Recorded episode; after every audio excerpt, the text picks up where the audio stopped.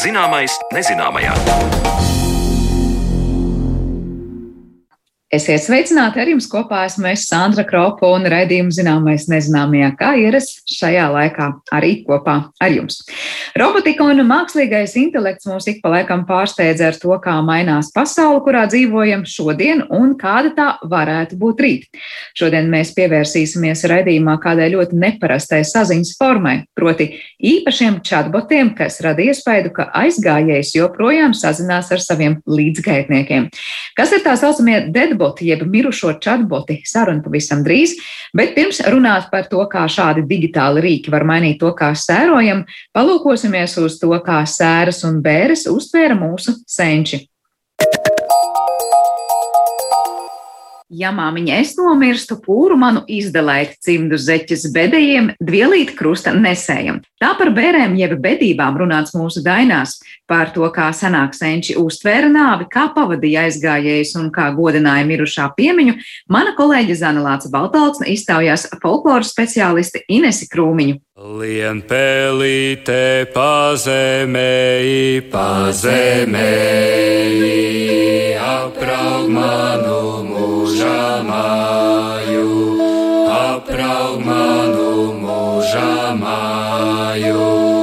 Vai rusēja, vai pelēja, vai pelēja, vai skambēja staigājot skambēja staigājot.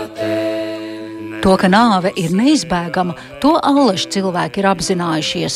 Un, ja skatāmies kaut vai no praktiskā latvieša puses, tad agrāk mūža māju saulēcīga sagādāšana nebija nekāds drūms un nolemts pasākums, bet lietišķa pieeja mirstamai stundai. Arī es atceros stāstu par to, kā pagājušā gadsimta 30. gados mans vecvectēvs šķūņa augšā glabāja zārku un vasarās tur labprāt gāja dienas vidu pagulēt. Pārskatot tautas dziesmas, ticējumus un ieražas, redzam, ka par aizgājējiem skuma, bet bēru mīlestā mēdz arī dziedāt un dejot. Vairāk par to, kā pavadīja mirušos viņa saulē, attālināti ierakstītā sarunā stāsta pedagoģe un folkloriste Inese Krūmiņa. Tā kā rāda tas senākais pasaules redzējums, ko no tā var nolasīt, nu nav jau tā, ka kaut kur būtu bijis apraksts, kā kāds sēroja. Bet cik var spriest no tādiem tiešākiem avotiem, tad viena tā lieta, kas ir noprotama un kas izveidojas, nu, tad, kad izlasa daudz dažādas drusciņas no viskaut kā, dažādākus dainu tekstus, pasakas un ticējumus, tad tas, kas uzrādās, ir, ka acīm redzami senākajā laikmetā mūsu senčiem attieksme pret nāvi ir bijusi daudz izlīdzinātāka nekā mums pašlaik. Un, ja mēs pieslēdzam veselo saprātu, tādas pazīmes, piemēram, tas, ka nu, kārtīgam latviešu lauku saimniekam bērniņos glabājās zārks, Tas nebija kaut kas tāds, kas ak, vai ak, tu mūžiņu dieniņu. Cik nav dzirdēti stāsti par to, ka kāds ir aizgājis tajā zārkā tur pagulēt un tad pārbaidījis bērnus, kas bērniņos uznākuši tur pēc kaut kā, jā. Ja? Vai kur tādā pašā zārkā ir rudenī āboli glabāt. Daudz dažādu tādu nostāstu, kas nāk no realitātes. Bet skatot uz aizgājējiem, kas mūsu folklorā ir teikts, kā atšķīrās tā sērošana, tad, kad mūžībā aizgāja bērni vai jauni vai arī veci cilvēki? Jā, par to ir saglabājušās tautas dziesmas, jā, un, piemēram, ir tāds par to, kas sagādā lielākas sāpes. Jā, ir, piemēram, tāds teksts, mirstat jauni, mirstat veci, pusmūžā nemirstiet. Pusmūžā mirušam paliek daudz raudātāju.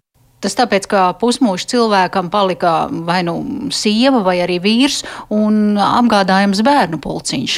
Jā, kas attiecīgi ir nu, nu, ar viņu saistīti ciešās attiecībās, jā, jo, piemēram, nu, tad, kad tas jaunais mazais bērns, protams, ir milzīgas sāpes vecākiem, ja viņš aiziet, jo dzīves noliktā kārtība ir tāda, ka iepriekšējās paudzes ir iepriekšējās un viņas ātrāk atnāk un ātrāk aiziet jaunākās ir jaunākās, un viņas vēlāk nāk, un viņām arī tā kā būtu jāpaliek un vēlāk jāaiziet. Tāda būtu tā dzīves nu, standarta kārtība.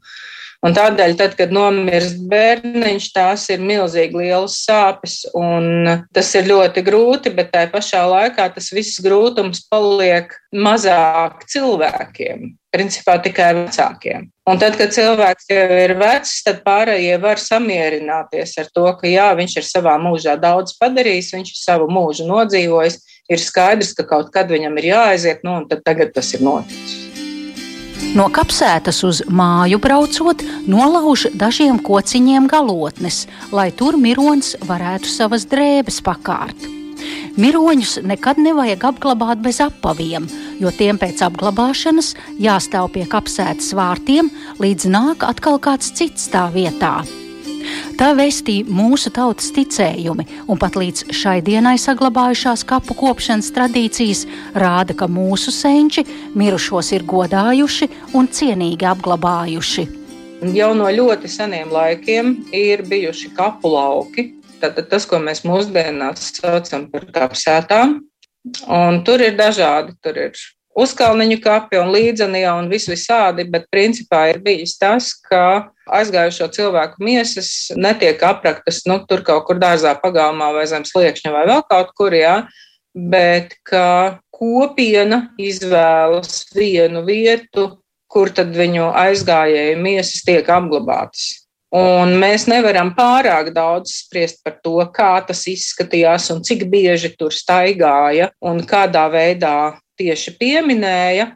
Izņemot to, ka mēs zinām, ka mums ir veļu mīlošanas tradīcija saglabājusies, un arī teiksim, tīri no tāda pragmatiskā, jeb racionālās loģikas skatu punkta, katrai mūsdienu tradīcijai ir um, nu, tomēr saknes, kas ir no kaut kurienes radušās, no kaut kādiem senākiem priekšstatiem un senākām tradīcijām.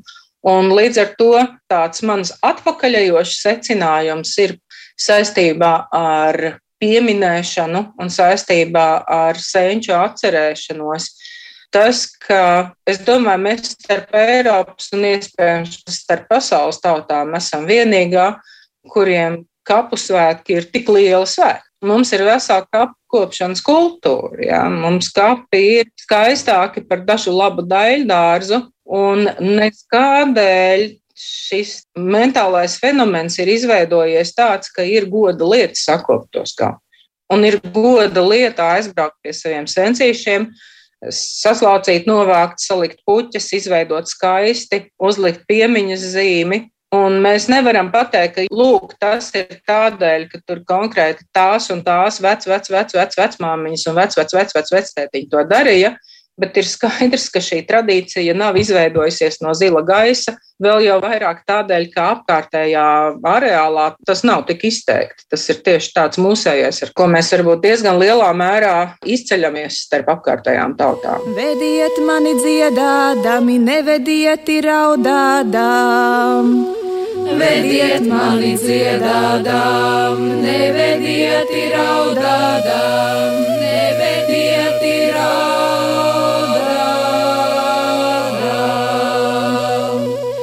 iet mana dvēselīte pie dieviņa dziedādām.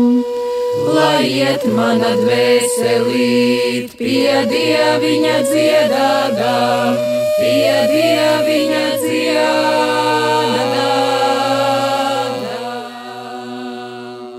Daudz ko lasot, un tā skaitā arī lasot psiholoģisko literatūru, Man ir pašai izveidojies tāds, nu, kā lai pasaka, psiholoģiski filozofisks konstrukts par to, kā tad šī cilvēciskā trejādība, kas latviešu izpratnē tad būtu augums, vēlis un dvēsele, nu, kā viņi varētu veidoties. Augums, nu, tas mums ir aptaustāms, un mēs saprotam, kas tas ir, un tā arī ir tā daļa, kas piedzimst un nomirst.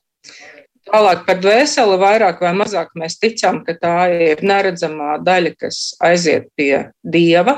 Nu, tā tad kaut kur tur debesu sfērās. Un tad ir tā jocīgā lieta, kas ir veļi un veļu valsts un veļu māte, kas par viņiem ir atbildīga, un veļu upe, kurai tiek pāri, kas asociējās arī ar citu Eiropas tautu nāvis upēm. Nu, tas jautājums, kas tad ir tas vēlis? Tā kā es to redzu, tad iespējams, ka tas ir um, savā ziņā tāds cilvēka dzīves pieredžu un emociju kopums, tāds kamols, kurš mums katram ir. Un tad, kad augums nomirst, arī tas kaut kur paliek, bet tā īsti nav dvēsele. Un, ja šādi uz to paskatās, tad jā, tas ir kaut kas, pēc kā mēs atpazīstam cilvēkus. Ja. Kāds saka, mans vectētiņš gan bija strādīgs, kāds saka, nu, mana vecā mamma. Tā bija viena spētna sieva. Tad, kad viņa pateica, nu, tad neviens tur pretī vairs nerunāja nu, tas emocionālais kopums un dzīves pieredžu kopums.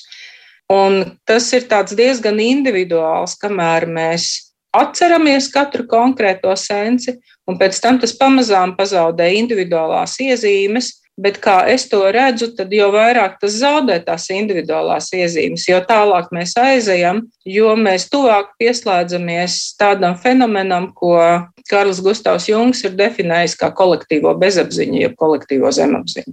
Tā tad psiholoģisks tāds tā kā modeļu krājums, kas kaut kur fonā tur aiz mūsu apziņas mums eksistē, bet kurš ir kolektīvs. Jā, nu, lūk, un savā ziņā mūsu latviešu tradīcijas ar to ir unikālas, jo, ja mēs praktizējam veļu mīlestību un veļu godināšanu, tad mēs par saviem senčiem neaizmirstam.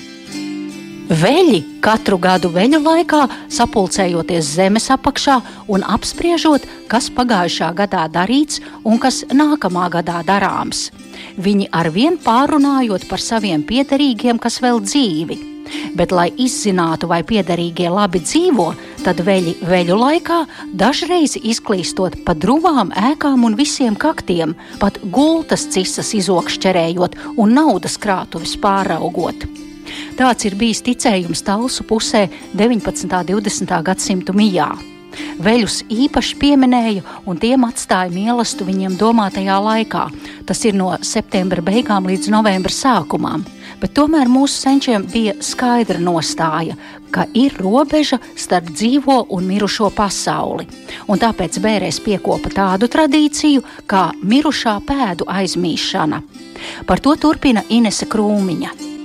Nu, tā tad bērnieki sastājās tādā zosu gājienā. Nu, protams, tas ir spēkā. Ja tas process notiek tur, kur tas cilvēks ir dzīvojis, Krematorijā to neviens nedarīs, un tam, tam arī nebūs ne mazākās jēgas. Bet dzīvo cilvēku rinda, bērnieku rinda sastājās tādā zosu gājienā un izstaigā pa visiem celiņiem un visām taciņām, kur tas aizgājušais cilvēks ir staigājis. Un viņi visi zina, ka viņi ar savām dzīvajām pēdām aizklāja ciet tās mirušā cilvēka pēdas jeb atdala dzīvo pasauli no mirušo pasaules. Jo cilvēks ir aizgājis, tātad viņš ir pārcēlies mirušo pasaulē, bet tur, kur ir viņa pēdu nospiedumi, tur sanāk, ka pašlaik ir nu, tāda starpzona. It kā ir dzīvo pasaule, bet tur tagad sanāk, ka ir ienākusi arī daļa no mirušo pasaules.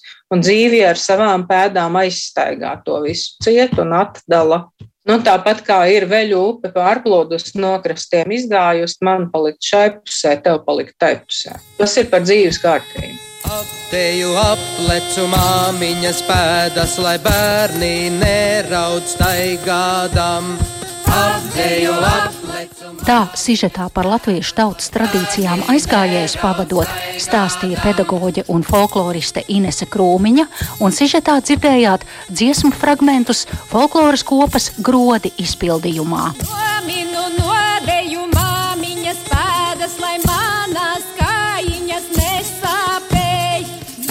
Nominu nodeju māmiņas pēdas, lai manās kājiņas nesāpēj. Paldies Zanē Lācē Baltalksnē par sagatavoto stāstu. Raidījuma turpinājumā mēs palūkosimies, kā par sērām varētu runāt un domāt nākotnē, kad aizgājēji turpinās savu dzīvi digitālā vidē.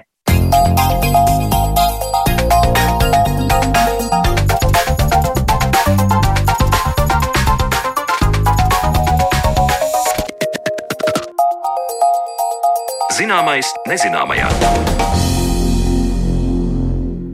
Ir itin ierasts, ka par laikus neapmaksātu rēķinu mūs informē roboti, tāpat arī neviena uzņēmumā atbildes uz mums interesējošiem jautājumiem sniedz nevis klientu konsultanti, bet chatboti. Nu, mākslīgais intelekts pielietojums tiešām iet eh, soli tālāk un piedāvā iespēju radīt īpašu chatbota veidu, proti deadbotu, jeb personalizētu chatbotu, kas runā kāda miruša cilvēka vārdā.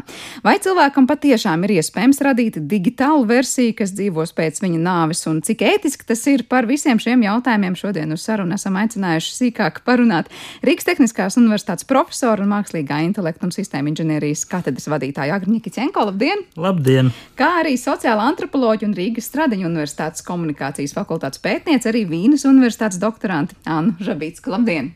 Labdien! Uh, vispirms, kas īsti ir šis deadbots? Vai var teikt, tā ir tāda digitāla versija cilvēkam pēc viņa nāves, kas uh, tiešām runā viņa vārdos un viņa pat balsī? Agri sākšu varbūt ar to mākslīgā intelekta pusi un iespēju izskaidrot, kas tad īsti ir šie deadboti. To noteikti nedrīkst un nevajadzētu uztvert par cilvēka digitālu versiju. Nekādā gadījumā. Tātad tam nav ne apziņas, ne attiecīgās personības, ne, nekā no tam līdzīga. Nu, tādām vispār cilvēcīgām īpašībām, nekā tam līdzīga. Tas ir tiešām sarunu robots vai, vai tērzēšanas robots, nu tieši tulkojot, ja tātad programmatūra, kas ir ņem vērā cilvēka izteiksmes veidus un formas. Nu, tas nozīmē noteikti veida izteicieni, tie ir noteikti veida balss, nu, teiksim, tembrs un tam līdzīgi emocionālā noskaņa noteiktā kontekstā. Nu, tāda veida izpausmes, protams, ka var iebūvēt un, un, un uztrenēt, nu, tehniski runājot bet tā noteikti nav cilvēka digitāla versija nekādā gadījumā. Un līdz ar to šis robots nekad nedrīkst un nevarēs runāt miruša cilvēka vārdā, uzņemoties kaut kādu atbildību, pasargāt Dievu šī mirušā cilvēka nu, jā, vārdā. jā, liekas, ka nu, aizgājējis ir aizgājējis, jau mums nav viņu jāmēģina padarīt dzīvu visiem iespējamiem veidiem. Bet eh, pirms es dodu vārdu Annai, kāds izskatās no antropoloģijas un etiskās puses, arī uh, gribēju pavaicāt, nu, kā tīri tehniski tas notiek. Es saprotu, ka vēsturiski ir bijis tā gadījums, kur tas ir sākts darīt. Tātad uh, par pamatu ņemot cilvēka reāli sūtītās īziņas un Facebook, man liekas, profilu. Jā, jā tad tieši tā. Viss tā informācija, kas tur ir, kā tas īsti notiek. Nu, filmās ir redzēts, bet kā tas dzīvo? Runa ir par Jessikas piemēru, ja nemaldos. Jā, jā, jā. Kas tā, tas īsti ir? Varbūt tā, tā ir pilnīgi taisnība. Jā, tur tiešām ņēma par pamatu uh, tekstu veidā rakstītus ziņojumus dažāda veida, no kurienes, protams, izriet zināma veida izteiksmes formas. Nu, tas ir izteicieni, kaut kādi saīsinājumi, vārdu secības teikumi. Nu, viss tas, ko varētu mēs nosaukt par cilvēka runātāju rokrakstu. Lūk, to tiešām var iemācīties, un tas īstenībā pat nav sarežģīti. Tas, kas varbūt ir mazliet sarežģītāk, ir, nu, teiksim, ko tas nu, mākslīgā sistēma darīs līdz šim nepieredzētos apstākļos, kādā veidā tiks panākts emocionālais, nu, teiksim, tāda emocionāla līmeņa atbilstība ar, ar kādreiz dzīvu esošo runātāju un tam līdzīgi. Tas ir ne, mazliet izaicinošāk, un tas nozīmē, ka ir nepieciešams kaut kas bišķi vairāk vienkārši par tekstu un tādu tehnisku tekstu analīzi un tekstu, tekstu apstrādi. Latvijā mums ir vairāk uzņēmumu, kas ir šāda veida, nu nevis ar deadbotiem, bet tieši ar sarunu robotiem nodarbojās, un tur šī tehnoloģija ir pietiekami labi attīstīta, un tas ir ne tikai tekstu veidā sarunāties, bet arī nu, balsī valodā sarunāties. Nu, teiksim, tādā veidā ir iespēja. Lūk, bet arī tur visas šīs komponentes nāk klāt. Piedāvām ir viss tas pats, kas ir raksturīgs šī brīža, nu, kas ir tie izaicinājumi šī brīža sarunu robotiem. Tas ir kontekstualizācija, tas ir veselā saprāta zināšanas un izpausmes, Un, eh, nu, kā jau jā, nu, būsim godīgi, šādi chatboti, jeb sarunu roboti ir mūžīgi. Tādā izpratnē viņiem ir jāiet līdzi laikam. Tas nozīmē, ka, ja mēs gribam šo robotu, lai kādam mērķim mēs arī būvētu, gribam ar viņu sarunāties aktuālos tematos, aktuālu tematu kontekstā, tas nozīmē, ka viņam jāiet līdz laikam, viņam jāmācās. Jautājums, kā tas notiek miruša cilvēka gadījumā? Jā, es saprotu, ka tad, kad mēs runājam par šiem chatbotiem, kas atbild uz tiešām tādu nu, klientu konsultāciju tipu jautājumiem, tur tie visu laiku tiek apmācīti. Jā, jā tiek dotas pareizi. jaunas, reālas sarunas, kur, kur sistēma mācās, kas tad, kas tad mainās pasaulē. Pilnīgi pareizi. Tiešām jautājums miruša cilvēka gadījumā. Nu, kā tad īsti tos, to risināsim? Nu, tas būtībā ir nu, tieši tāpatās kā dzīves cilvēks. Viņš kaut ko ignorē, kaut ko ņem vērā, kaut ko mācās labāk, kaut ko ātrāk, kaut ko lēnāk. Un šīs ir nianses, ko mūsdienās, man liekas, nu, tas ir ļoti izaicinoši uztvert no vienkārši rakstīta teksta. Jā, Annai grib dot vārdu vispirms, kā tas izklausās, visi šie centieni tādā antropoloģijas kontekstā. Un es zinu, ka Anna arī ir daudz pievērsies pētījumiem tieši par dzīves nogali un vecumdienām, novecošanos un arī nāvi. Uh, Kā izklausās? Tā ir tāda vēlme cilvēkiem padarīt nu, maksimāli ilgi dzīvojošus savus tuviniekus, vai, vai kas tas ir?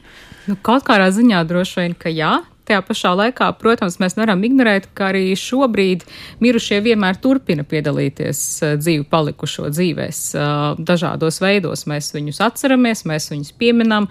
Mums ir brīnišķīgi piemēri par kapu svētkiem, kur ir uh, ceļš, teiksim, alūksnes kapu svētki, kas ir fenomenāls liels notikums, kur man vienmēr gribētos, kā es smejoties draugiem runāju, ka izskatās, ka uz ballīti ir uzaicināti arī mirušie. Viņi turpina veidot šīs un ietekmēt mūsu attiecības. Līdz ar to mēs redzam gan mūsu pašu kultūrā, mēs to redzam, piemēram, mirušo dienā uh, Meksikā, mēs to redzam Famadihāna uh, rituālā, Malagasī kultūrā Madagaskarā, kur viņi ik pa pieciem, septiņiem gadiem izrok mirušo uh, kaulu sietiņu jaunos uh, uh, audeklos, pāraksta cilvēku vārdus uz šiem audekliem, un tādējādi viņi norāda, ka viņi viņus aizvien vēl atcerās. Turklāt, kamēr šīs mirstīgās atliekas nav pilnībā sadalījušās, viņi uzskata, ka um, viņiem ir jāturpina svinēt šo mirušo cilvēku dzīves. Tātad mums ir, mēs redzam pasaulē dažādas veidus, kur mēs aizvien ļoti aktīvi dažādos veidos, lūk, pat izrokot, teiksim, mirstīgās atliekas, iesaistām mirušos savās dzīvēs, un viņi turpina. Tajā pašā laikā, protams, te nāk papildus dažādi jautājumi par to, kā tas varētu veidot un pārveidot radniecības attiecības, jo tas, ko arī kolēģis teica, ka šeit parādās tas moments, nu, vai mirušie var mums runāt pretim, vai tomēr nē, teiksim, kā tas ir šajos pārējos teiksim, rituālos. Viņi tomēr nerunā pretī. Protams, ka mēs vienmēr ir tāds teiciens, ka mirušajiem ir daudzas CV, Proti, ka tad, kad cilvēks nomirst, mums ir visas iespējas uh, interpretēt un pierakstīt viņiem, ko vien mēs vēlamies, jo viņi nespēja runāt pretim. Un šis, manuprāt, gadījums ir tāds viskaļākais, kur uh, it kā mēs ņemam vērā to, ko cilvēks ir iepriekš uh, rakstījis, bet mēs jau nevaram prognozēt, kāds viņš būtu bijis lūk, pēc pieciem, septiņiem, astoņiem, teiksim, Jessikas gadījumā gadiem. Līdz to es domāju, ka tur ir ļoti daudz uh, izaicinājumu. Protams, ir ļoti daudz interesantu jautājumu par to, kā ietekmēt radniecību, par to, kā tas varētu ietekmēt uh, sērošanas procesus un sērošanu gan kā kādu sociālu notikumu, gan arī tādu tīri psiholoģisku un individuālu. Es domāju, ka par to varētu mierīgi vēl runāt. Un, protams, arī nu, etiskie aspekti par to, cik daudz šis cilvēks būtu gribējis, un, jo viņš jau vairs nespēja kontrolēt, e, kādā veidā teiksim, tiek izmantots viņa vārds. Te jautājums, vai vispār mirušais cilvēks būtu piekritis kam tādam, un es nezinu, Jessikas gadījumā laikam tas jau bija pēc viņas nāves mm -hmm. vairākus gadus, līdz ar to, nu, Jessica nav uzņēmusi, tad klausītājiem jā, jāatgādina, varbūt, kas nav šo stāstu dzirdējuši, tad, tad e, viņas mīļotais vīrietis ir tas, kas vēlējās radīt šo personalizēto chatbotu, nu, daudzus gadus, ja nemaldos, pēc viņas nāves. Un Un te bija tas gadījums, ka viņš nespēja tikt pāri šīm sērām jā. Jā, visu laiku. Bet te ir jautājums, tad šobrīd vispār, ja kaut kas tāds tālāk tiek attīstīts, tas ir tikai un vienīgi, ja cilvēks dzīves būdams dod savu piekrišanu, ka pēc viņa nāves drīkst kaut ko tādu ar viņu darīt. Tas vispār tādā veidā tiek Jā. skatīts. Man liekas, ka regulējuma tur nav mm -hmm. šobrīd, jo tam redzi, kas ir pa lietu ar regulējumu, viņš ir mazliet tāds izaicinājumiem bagāts. Jo nu, mēs varam iedomāties, nu, kas ir piemēra, ko viegli var uztvert jebkurš no klausītājiem. Iedomāsimies, populārās mūzikas, kā viņš sev dēvēja, karali Maiklu Džeksonu. Ja? Nu, pieņemsim, viņš ir miris. Viņš ar vienu ir, varētu teikt, tā, nu, viņa konsorcijas, ja viņa uzņēmums ar vienu turpina pelnīt. Viņš dod kādu labumu šeit palikušiem radiniekiem, draugiem, nu, vienalga mantiniekiem. Ja. Lūk, un tagad mēs izveidojam šādu robotu, kas, pieņemsim, pat māca komponēt. Un tagad ir jautājums, tātad viņš ir sakomponējis kaut ko, kas nevienam nepatīk. Tātad tam ir finansiāls sekas, kas potenciāli var radīt arī juridiskas sekas, kam tad pieder šis nu, sintēzētais darbs. Ja? Teiksim, pieņemsim, ka šie radinieki var piekrist, viena piekrīt, otra nepiekrīt. Kā šo situāciju atrisināt tīri no juridiskā viedokļa? Jo patiešām robots var radīt negatīvas sekas aizgājējiem. Negatīvas. Un šeit ietekmēt arī šeit palikušos, nu, kā finansiāli, tā juridiski negatīvi. Lūk, protams, var būt pozitīvi, nu, tā tad ir emocionālā piesaiste, kaut kādā veidā tiek mīkstināta tā pāreja uz, uz jaunu dzīves nu, režīmu, nosauksim to tā, ka cilvēks ir aizgājis. Un to, tas viss ir skaidrs, bet ir daudz nopietnākas sekas. Un kā jau es iespējams, un kā jau es teicu, chatbots ir mūžīgs. Tātad nu, mēs zinām, ka ir viena otra valsts, arī šeit Latvijā mēs esam gāzuši pieminekļus. Ļoti pelnīti, nu, ja man jautā. Tad ir citas valstis, kur varbūt netik pelnīti gāžu pieminekļus. Ja? Tad jautājums, kas notiek ar šo eh, cilvēku digitālajiem pieminekļiem, kas ir interaktīvi vēl. Tātad viņi kļūst par ko tāda cilvēkam tiek salauzta visa viņa reputācija, ko iespējams viņš mūža laikā ir sakrājis un izveidojis, un, un, un varbūt kādus darbus sarakstījis un tam līdzīgi. Un tagad ir kaut kas mākslīgs, digitāls, kas to visu sabojā. Vienkārši. Bet tas, eh, nu, pieņemsim gadījumus, kad var tikt sabojāta reputācija. Liekas, ja cilvēkam tāpat no tām visām atbildēm tiks izmantots tikai tas, ko viņš ir savulaik pats rakstījis, teicis un darījis. Mēs runājam par to, ka var izraut no konteksta tos visus stāstus, vai mēs varam nepareizi interpretēt. Es iedomājos, nu, tīri sadzīviska situācija, ja mēs katrs kādam sev šobrīd dzīvam, tuvam esošam cilvēkam rakstam īziņas vai, vai, vai kādas citas ziņas, nu, cik bieži sanāk pārpratumi, vai ne, ka tur uzrakst rakstu vienu, bet domāju tomēr citu, tur intonācija ne tāda nolasīja vai kā citādi. Tas ir no šādiem gadījumiem. Tā skaitā. tas nav vienīgais, bet tā skaitā, tāpēc, ka saruna vienmēr ir kontekstā. Jebkura cilvēka komunikācija ir kontekstā. Tas ir laikmeta konteksts, konteksts juridiskais konteksts, vis visāds mūsu personīgais zināšanu konteksts, mūsu sarunu iepriekšējais konteksts.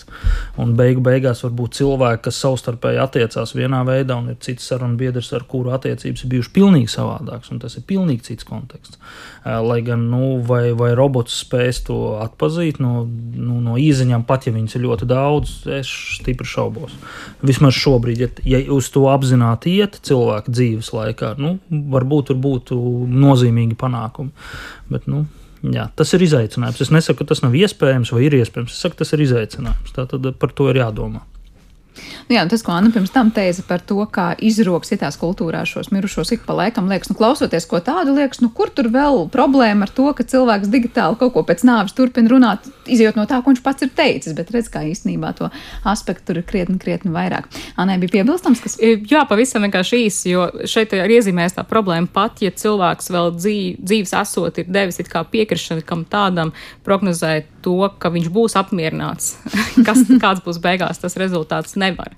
Un, un tur sāks šī lielākā problēma. Līdz ar to, ar, ar to nebeidzas ētikas jautājums, vai o, cilvēks deva piekrišanu, tad mums viss ir kārtībā ar šo. Tāpēc, ka viņš nevar piedalīties, viņš nevar kontrolēt situāciju. Bet tam. kā ir tā ideja, ir tāda, ka rodas tas, piemēram, deadbots saucamais, un tā ir tā komunikācija, nu, tā kā starp diviem cilvēkiem, proti tās īziņas vai tas saturs, kas ir konkrētās sarunas ar vienu cilvēku, un tad var teikt, nu, tad tā tā versija, kas pēc tam tiek radīta mākslīgais intelekts, sarunājas joprojām ar šo, vai viņš tikpat labi var sarunāties, es nezinu, vēl ar virkni citiem cilvēkiem. Protams. Tad protams, tas uzreiz tiek radīts protams, uz, uz, uz daudziem. Ja? Nu, jūs varat iedomāties, jebko, ko, nu, ja mēs koncentrējamies tieši uz rakstīto materiālu, tad jebko, ko šis cilvēks ir sarakstījis, ieskaitot skolas sacerējumus, tas viss tiek ņemts vērā, lai nu, izveidotu, nosacītu šī runātāja, nu, teiksim tā, profilu. Es negribu teikt personību, pasargdievs, ja profilu. Nu, tad šis profils lielā mērā nu, imitēs, gribētu teikt, bet viņš viņu spēja imitēt arī iepriekš nepieredzētās situācijas. Tātad tās ir, nu, kā jau jebkurš sarunu robots, tas var būt pilnīgi cilvēks no malas un sākt ar viņu runāties, kas ir līdz ar to pilnīgi cits konteksts un pilnīgi negaidīti rezultāti. Kur arī es pieņemu, ka daudz biežāk varētu būt tie gadījumi, kad rodas šis nesaprotamais kontekstā, neslavas celšana vai kas cits, ko pēc tam. Tā ir skaitā. Sarkasms, bet... ironija, tas, tas viss ir katram cilvēkam ir dziļi, dziļi personīgs. Nu, mēs taču zinām, ar to labāk nejoko, viņš joks nesaprot. Tikpat labi arī šis mirušais cilvēks varēja būt tāds, un tagad jūs ar viņu sākat kaut ko ironisku sarunāties. Nu. Jā, te laikam būtu arī tiem līdzcilvēkiem izaicinājums pieņemt to, ko šis it kā mirušais cilvēks atbild vai saka. Ja mēs ļoti labi zinām, piemēram, nu, kā par mirušiem cilvēkiem ir ļoti nepatīkami dzirdēt ko negatīvu, vai mēs izvairamies to dzirdēt, ja pēkšņi kāds sāktu, nu, lūk, jā, sarkastiski jokot, zinot, ka tas cilvēks varbūt tā joks nesaprata, vai tur vispār būtu kādas iespējas pasargāt un, un nezinu, apturēt to procesu. Ir viena, es, pirms es, jā, ir viena interesanta lieta, kas ir naida runa. Naida runa ir krimināli vajājama pat. Ja, tā tad tā ir sodām. Lūk, un sodām viņi ir dažādi dažādās valstīs. Lūk, jūs varat iedomāties, un naida runas definīcija un uh, izpausmes arī mainās laikā. Tad mēs iedomājamies, šobrīd mēs esam nu pat, nu pat ieviesuši šādu regulējumu. Nu, tas ir kādi nepilni desmit gadi. Kas būs pēc 50 gadiem, ņemot vērā, ka chatbots ir mūžīgs? Lūk, kas būs pēc tam? Tad iedomāsimies, ka viņš var radīt pats chatbots naida runu bet atbilstoši jau nākotnes laikmetu izpratnē un regulējumam, kas notiek tad, kurš tad par to ir beigās atbildīgs, tātad reputācijas zudums, viss pārējais, ko mēs jau iepriekš minējām. Tātad tam ir garākas sekas laikā, ja mēs tā varam. Jā, kas vienā laikā pie, pieņemams, tas nenozīmē, ka pēc 10, 20 vai 50 gadiem. Pilnīgi noteikti var tā nebūt. Jā. jā, kaut vai rasistiskie izteikumi, liekas, šobrīd jā. tas, kas bija pateikts pirms 30 gadiem, izklausās. Gāztie pieminekļi rakstniekiem un politiķiem, protams, ir labs piemērs tam. Mm -hmm kā sabiedrība mainās. Anna gribēja. Jā, es domāju, ka tas ir interesanti arī tīri tādā sabiedrības plāksnē. Nu, mums ir šī cieņa pret mirušajiem. Un, protams, ka katrā kultūrā tas nozīmē kaut ko citu. Teiksim, lūk, mums būtu nepieņemams, ticamāk, izrakīt pa pieciem, septiņiem gadiem savu mirušo kausu un ar viņiem kopā dejot, bet citās kultūrās tas ir. Bet katrai kultūrai tomēr ir kaut kāds vispār pieņemts normas par to, ko nozīmē šī cieņa pret mirušajiem, kas, protams, ir diezgan plašs un mainīgs, un mēs varētu par to nepārtraukt diskutēt. Un es domāju, ka šis būtu diezgan izaicinoši, sevišķi nu, Latvijai, Latvijas sabiedrībai būtu diezgan izaicinoši pieņemt, uh, vai šis iekļaujas cieņa pret mirušajiem, kas lielā mērā ieņem, ietver arī tādu nu, viņu mieru. Mēs liekam mirušajiem it kā mieru. Mēs viņus pieminam ar cieņu, lūk, um, un, un mēs viņiem, viņus atceramies, un mēs pie viņiem dodamies ciemos, uh, kā nu katrs to interpretē kā nu katrs to dara. Bet tur ir šis miera aspekts. Un uh, jautājums, vai šī arī nav kaut kāda, nu, traucēšana mirušo, ja, kas varētu teiksim, būt nu, tāda diskusijas vērts, teiksim, ja kaut kas tāds parādītos. Bet tagad pagriežam uz otru pusi. Pozitīvi aspekti. Jā. Jā. Pozitīvi aspekti jūs varat iedomāties, ka skolnieku grupa atnāk uz, es nezinu, kara muzeju un vēlas parunāties ar Oskaru Kalpaku. Mm -hmm. Tas taču būtu skaisti, vai ne? Nu, teiksim, Jautājums parun... ir pretim tiešām, mēs varam teikt, no Oskars Kalpaks atbild tā, ka Oskars Kalpaks būtu nu, teicis. Jā, jā, tas ir interpretācija jā. šobrīd, protams, bet tas varbūt, ka cilvēkiem, kas mācās kas eh, šo vēstures priekšmetu un konkrēto tematu, varbūt, ka tas būtu tik ļoti iedvesmojoši un interesanti, ka viņi pievērstos daudz ar citu, pilnīgi citu motivāciju. Tieši tas pats var būt, kad ir kāda matemātiska formula, piemēram, Maksvela vienādojuma sistēma, kuru izskaidro pats Maksvels. Tas taču būtu interesanti, vai relativitātes teorija pats Einsteins jums izskaidro. Tas taču būtu ļoti interesanti. Nu, es tā spe, absolūti spekulatīvi, ja? jo ģēniji jau katrā laikmetā ir savi. Ja? Nu, nu, nu, tie ir politiķi, mākslinieki, jā, zinātnieki, nu, visādi. Lūk, tas taču būtu interesanti šādu varbūt pat ar ne, ne, nelielu tādu joka piedevu, ja, bet saglabāt šādu veidu informāciju par, mine, par, par mirušiem cilvēkiem, kam ir nākotnē pozitīva ietekme. Nu, kā mēs to domājam šobrīd? Kāda viņi būs, mēs tad jau redzēsim. Tieši tādas neatceļ tos riskus. nē, nē, nē, nē absolūti nē, absolūti nē. Un tie tomēr ir bijuši dzīvi cilvēki savu laiku, un mēs nevaram jā, viņus nu tā jā. kā priekšmetizēt, es nezinu, vai jā, kā citādi. Jā. Bet kā ar to pašu sērošanas procesu, te pirms tam arī Anna ieminējās par to aspektu, vai tas palīdz vai gluži pretēji aizkavē to tādu, nu, es nezinu, likšanu cilvēku mierā vai tikšanu pāri tam, ka cilvēks ir, ir aizgājis no šīs pasaules. Uh, proti tāda nemitīga klausīšanās, vai es saprotu arī balsī, ja tad, tad ir roboti var runāt vai Vai viņu tiešām tāda saziņa un liekas, viņš ir kaut kur tepat tikai raksta vai, vai runā ar mani no kaut kurienes. Kā uz to skatīties antropologiem? Jā, es tiešām runāšu no antropoloģijas, nevis teiksim, no psihiatrijas vai psiholoģijas, jo es ļoti negribētu iet diskusijā par to, kas ir veselīga un neveselīga sērošana vai veselīga un patoloģiska, jo, manuprāt, tā, tā robeža ir daudz smalkāka nekā bieži vien mēs, mēs teiksim, pieņemam, jo nu, nevienmēr ielgušas sēras uzreiz ir gluži patoloģiskas sēras, vai, teiksim, kas varētu būt arī šīs Jessikas un viņas um, līgavaņa, teiksim, gadījumā. Bet, protams, ka tas izvērš jautājumu, jautājumu par to, jo no antropoloģijas skatu punkta mēs parasti skatāmies uz sērām vai visiem rituāliem, kas ir par un ap mirušajiem, tā skaitā gatavošanās bērēm, vai, piemēram, tie būtu sekundāri apbedījumi atsevišķās kultūrās, kur no sākuma ir viens apbedījums vai vienkārši, teiksim, līķa atstāšana tajā vietā, kur viņš ir nomiris, kamēr viņš plus mīnus sadalās, tad ir viņa otraizējā pārakšana, jo tur ir dažādi šie liminālie posmi. Tie visi lielākoties ir vērsti uz to, ka gan sabiedrībai, gan arī individiem, kas ir bijuši tuvi šiem mirušiem cilvēkiem, viņiem ir jā, jāpielāgojas jaunajai dzīvei bez šī cilvēka. Tātad gan individuāli, man personīgi ir jātiek kaut kādā ziņā pāri, un tas nenozīmē aizmirst, tas pat nozīmē turpināt atcerēties, bet mēs pielāgojamies dzīvē bez šī cilvēka. Un arī, teiksim, sabiedrībai, ceļš, ja tā ir maza sabiedrība, kurā, teiksim, kopienas loceklis ir, ir miris, un iespējams viņš ir svarīgs, šīs kopienas loceklis vienalga, vai tā ir ģimene, vai tā ir plašāka sabiedrības grupa, arī viņiem ir jāiemācās turpināt funkcionēt bez šī cilvēka. Un visi šie sērošanas rituāli, ko cilvēki daudz tūkstošu gadu garumā ir, ir veidojuši un, un aizvien mēs veidojam, viņi lielākoties ir vērsti nevis uz to, lai mūs sāpinātu, bet gluži pretēji, lai, mēs, lai mums dot, būtu laiks sērot, raudāt un, un tikt pamazām pāri. Vienam tas prasa, protams, vairāk laika, otram prasa mazāk. Un tad, teiksim, šādu deadbotu gadījumā jautājums ir, vai, nu, Bet tas jā, palīdz vai, vai tas palīdz, teiksim, integrēties atpakaļ gan kā grupai, gan kā individam pēc cilvēku zaudējuma, vai tas tikai paildzina šo procesu. Un psihiatri, psihologi droši vien gribētu skatīties, vai tas ir veselīgi. Es to neapskatīties, vai tas ir veselīgi, vai tīri tā, teiksim, sociālā kopienā, jā, kādas, teiksim, tam būtu sekas, un tas ir atvērts jautājums, jo mēs to nezinām. Jā. Pēc šī gadījuma, kas bija šis Jessikas uh, gadījums, ir pagājuši arī jau vairāki gadi. Uh, vai tagad tā ir tāda jauna joma, kas ir sākusi tomēr kaut kādā mērā attīstīties, vai tomēr ir kaut kādi bremzējuši faktori? Kā attīstās šī deadbotu ideja vispār mākslīgā intelekta pasaulē? Man ir jāatzīst, ka es ikdienā nesakoju līdzi, jo nu, chatboti ir mazliet ārpus manas tās ikdienas interešu loka, bet tomēr, nu, teiksim, tā mazliet koncentrējoties, es gribētu teikt, jā, līdzīgi kā attīstās arī paši sarunu roboti. Viņi attīstās tieši tikpat ātri, tāpēc, ka, nu, kā, kā jau es teicu, tur ir virkne ar tādiem izaicinājumiem, kas varbūt nu, agrāk bija zināmi, bet tos īsti nevarēja tehniski atrisināt. Mūsdienās jau ir tehniski līdzekļi, ko vismaz daļu no tiem var risināt ļoti veiksmīgi.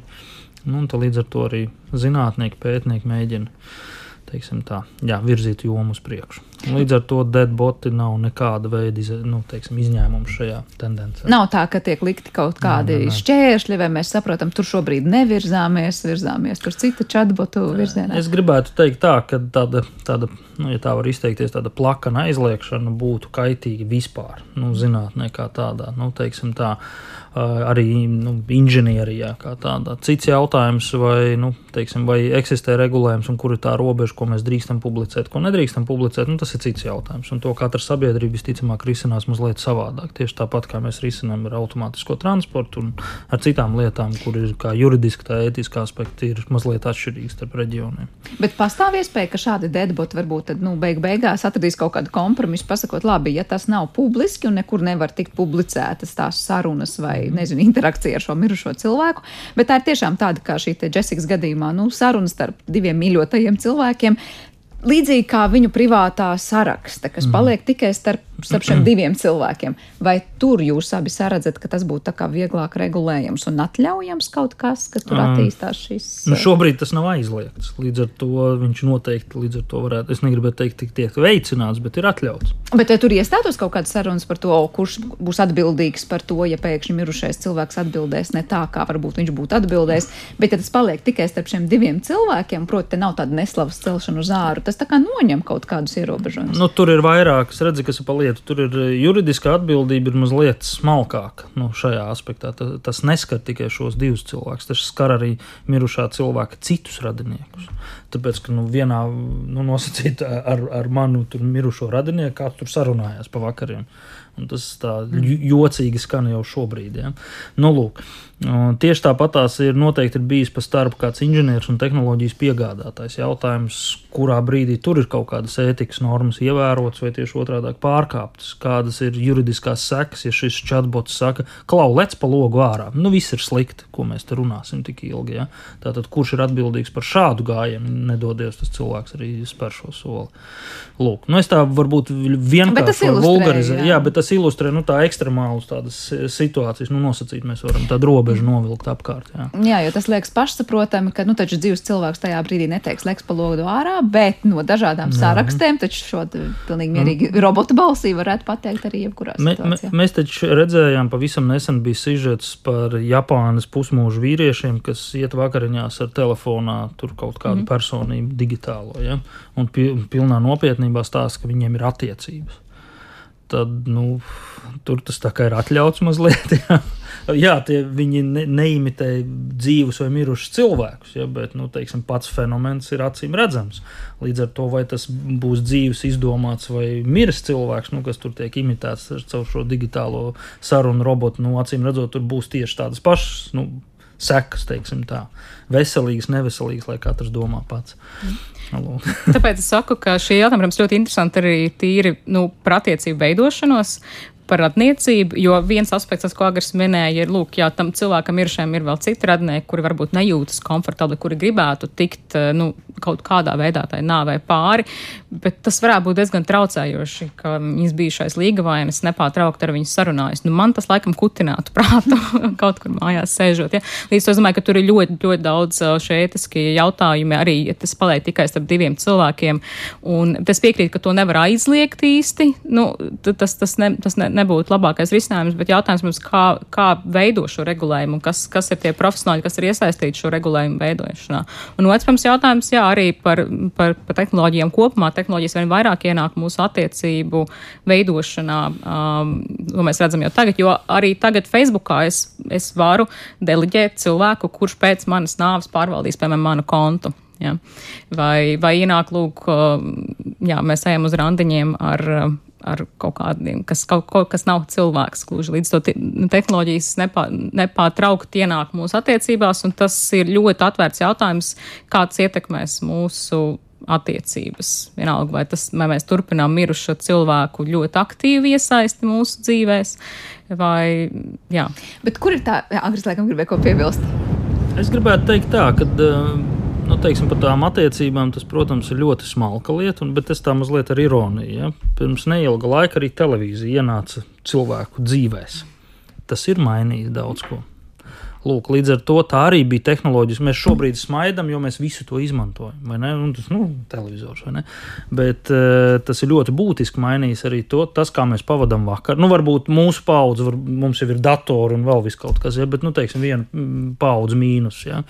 Lūk, tur tas televizors bija ļoti spēcīga loma spēlē. Un rādio un televizors viņš ir ikdienā klāt esošs, tu par to notiek sarunas, tur, un viens pat atļauj saka, o, man tas tur patīk, un šis nepatīk. Bet tur un, nav it kā tas ētiskais aspekts par to, piemēram, aizgājējs, kas mm. turpina dzīvot sevi nekontrolējot. Mm. Televizors un rādio, kas, protams, bija ārkārtīgi liels pavērsiens eh, arī attiecību ziņā. Ne jau tikai tas, ka viņš ienāk, teiksim, mūsu telpā, vai mēs ēdam vakariņas bez televizora, vai mēs ēdam vakariņas ar televizoru, bet arī tas, ka mēs arvien vairāk teiksim, mācāmies kaut kādas attiecību modeļus, ko mēs ieraugām televizorā vai ko mēs sadzirdam. Un, protams, arī pirms tam, tad, kad ies, sāka iespiest grāmatas, mēs arī mācījāmies droši vien attiecību modeļus no, no lasītajiem romāniem. Ja? Un kam tās grāmatas bija pieejamas un kam televīzija ir pieejama. Līdz to, protams, katrs šis maina uh, mūsu attiecības, un tam ir ļoti interesanti sekot līdzi. Un skaidrs, ka mēs nevaram uzlikt kaut kādas normas, vai tas ir pareizi, vai tas ir nepareizi. Tas ir drīzāk, nu, tā, tas ir ne nenormatīvs jautājums par to.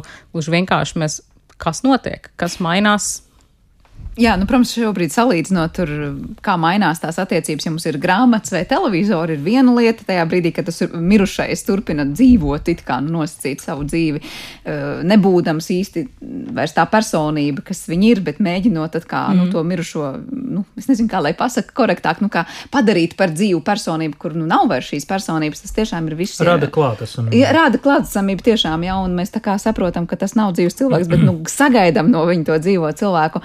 Nu, ir tā virkne izaicinājumu, ko Agris jau minēja, bet uh, es pieņemu arī tīri tehniski. Es nezinu, cik ir jābūt tai informācijai, lai, lai varētu vispār ko tādu mm. radīt, vai pietiks, es nezinu, ar simts īziņām nepietiks. Jautājums, Noteikti, vai ar visu to, kas ir mūsu uh, profilos pār, nu, sadāt, mēs esam dalījušies ar kādu informāciju, mums ir patikusi kāda noteikta ziņa, tas arī tiek ņemts vērā. Jā, ne? jā, protams. Tad viss protams, tas, kas protams. tajā galvā varētu notikt. Jā, jā bet... jo, nu, būsim godīgi, nu, ja mēs paņemam, nu, teiksim tā, pat sevis rakstīju izrādītu, es nezinu, sacerējumu pret dzīvu cilvēku, tur ir ļoti daudz citas izpausmes. Tās ir emocionālās, nu, žesti, valoda, ko es arī, arī jā, valoda pati par sevi, jo viņi mm. arī attīstās, valoda arī attīstās. Vai arī es atvainojos pārtraucu? Jā, jā, jā, droši. Nē, es iedomājos, ja kāds tagad ir uh, dalījies ar kādu informāciju, nu, savu iemeslu dēļ, nu, piemēram, vienā rakstā, tur ir kaut kādi pieci aspekti, no kuriem trim mums ir likušies ļoti, ļoti trāpīgi, tāpēc mēs ar tiem dalāmies. Bet varbūt robots izdomās, ka mēs vēl par tiem diviem, par kuriem mēs nebijām dalījušies, mums ir bijuši Jā. Būtiski un rada to sajūtu, varbūt, par ko mēs Jā. tur tālāk runājam. Un var gadīties arī cits aspekts. Atceries, es tev vakar teicu. Un no mm -hmm. tā veidojās saruna. Tad chatbots to atcerās, ko atcerēties, ko neatcerēties, ko atcerēties ar emocionālo noskaņu, ko bez emocionālās noskaņas, kas bija tikai fakts, kas bija replika, ko vajag, nevajag, cik viņi ir nozīmīgi.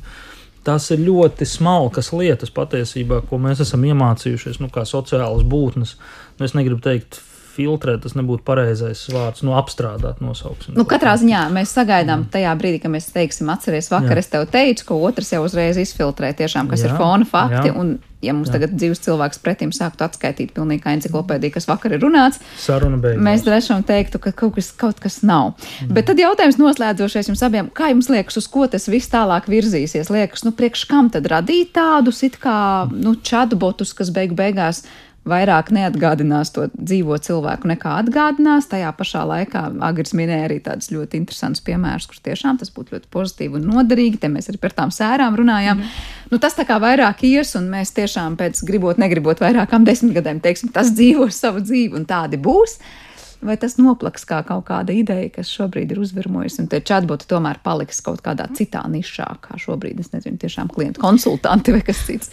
Man ir grūti teikt, vai tieši deadboti dzīvos, tas drīzāk jautājums ir agrim, bet es domāju, ka tas savā ziņā iekļaujas lielajā jautājumā par to, ka cilvēki vienmēr ir gribējuši kaut kā sevi paildzināt, ka tas iekļaujas lielā jautājumā par to nezināmo, kas ar mums notiek pēc nāves un lielā jautājumā par to, ka mums ir bail no nāves. Un mē, cilvēkiem ļoti dažādi veidi, kā mēs mēģinām savu dzīvi un elpu uh, pagarināt. Vienalga, vai tie ir bērni, vai tas ir uh, romāna sarakstīšana, augstākās ēkas uzcelšana, vienalga kaut kas, ja, kaut kādu nospiedumu atstāšanu. Es domāju, ka šis noteikti varētu piesaistīt uzmanību, un cilvēki noteikti būs cilvēki, kas to labprāt izmantot, pat neaptverot, kādas tam var būt potenciāls sekas un neaptverot, ka iespējams viņi nebūtu apmierināti ar rezultātu, tīri tādēļ, ka tas ir kaut kāds viņu pagarinājums. Arī Kur tad, kad viņu vairs nebūs. Un savā ziņā, jā, viņš, mums jau tagad ir dažādi paņēmieni, kā cilvēki e, turpina veidot un būvē attiecības pēc savas nāves, kad viņi vairs nebūs. Kaut vai to, kam mēs atstājam kādas lietas mantojumā, mēs pareizi arī teiksim, mazmeitiņai tas, mazdēliņam tas, tam neko. Mēs arī jau veidojam patiesībā attiecības ar skatu nākotnē, kad mēs vairs nebūsim. Šis ir tāds ļoti, ļoti sakāpināts un problemātisks, kā jau mēs runājam, veids, bet noteikti būs gribētāji, es tā domāju. Mm, Agri, es pilnībā piekrītu. Pilnībā. Tāpēc es uzskatu, ka jebkura tehnoloģija, kā jebkurš instruments, kas ir nonācis mūsu rokās, es domāju, cilvēks rokā noteikti tiks izmantots. Jautājums tikai kad, kā un kādā kontekstā. Un ir vairāk kā skaidrs, ka virkne jautājumu diskusijām tiešām šie deadboti var tālāk raisīt un raisīs. Un es pieņemu, ka par to mēs tiešām arvien vairāk redzēsim, dzirdēsim un, un domāsim. Bet šajā reizē paldies jums abiem par šo sarunu. Rīgas Tehniskās Universitātes profesors un mākslīgā intelekta un sistēma inženierijas katedras vadītājs Agris Nikicenko, kā arī sociāla antropoloģija un Rīgas Tradiņu Universitātes komunikācijas fakultātes pētniece Vīnas Universitātes doktoranta Anna Žabitska bija mums kopā šajā raidījuma pusstundā. Ar to arī tas ir izskanējis. Pie skaņu pults bija Kristīna Dēlere kopā es Sandra Kropa un par mūziku šai stundē gādāja Girs Bišs. Mēs tiekamies jau atkal rīt. Visu labu!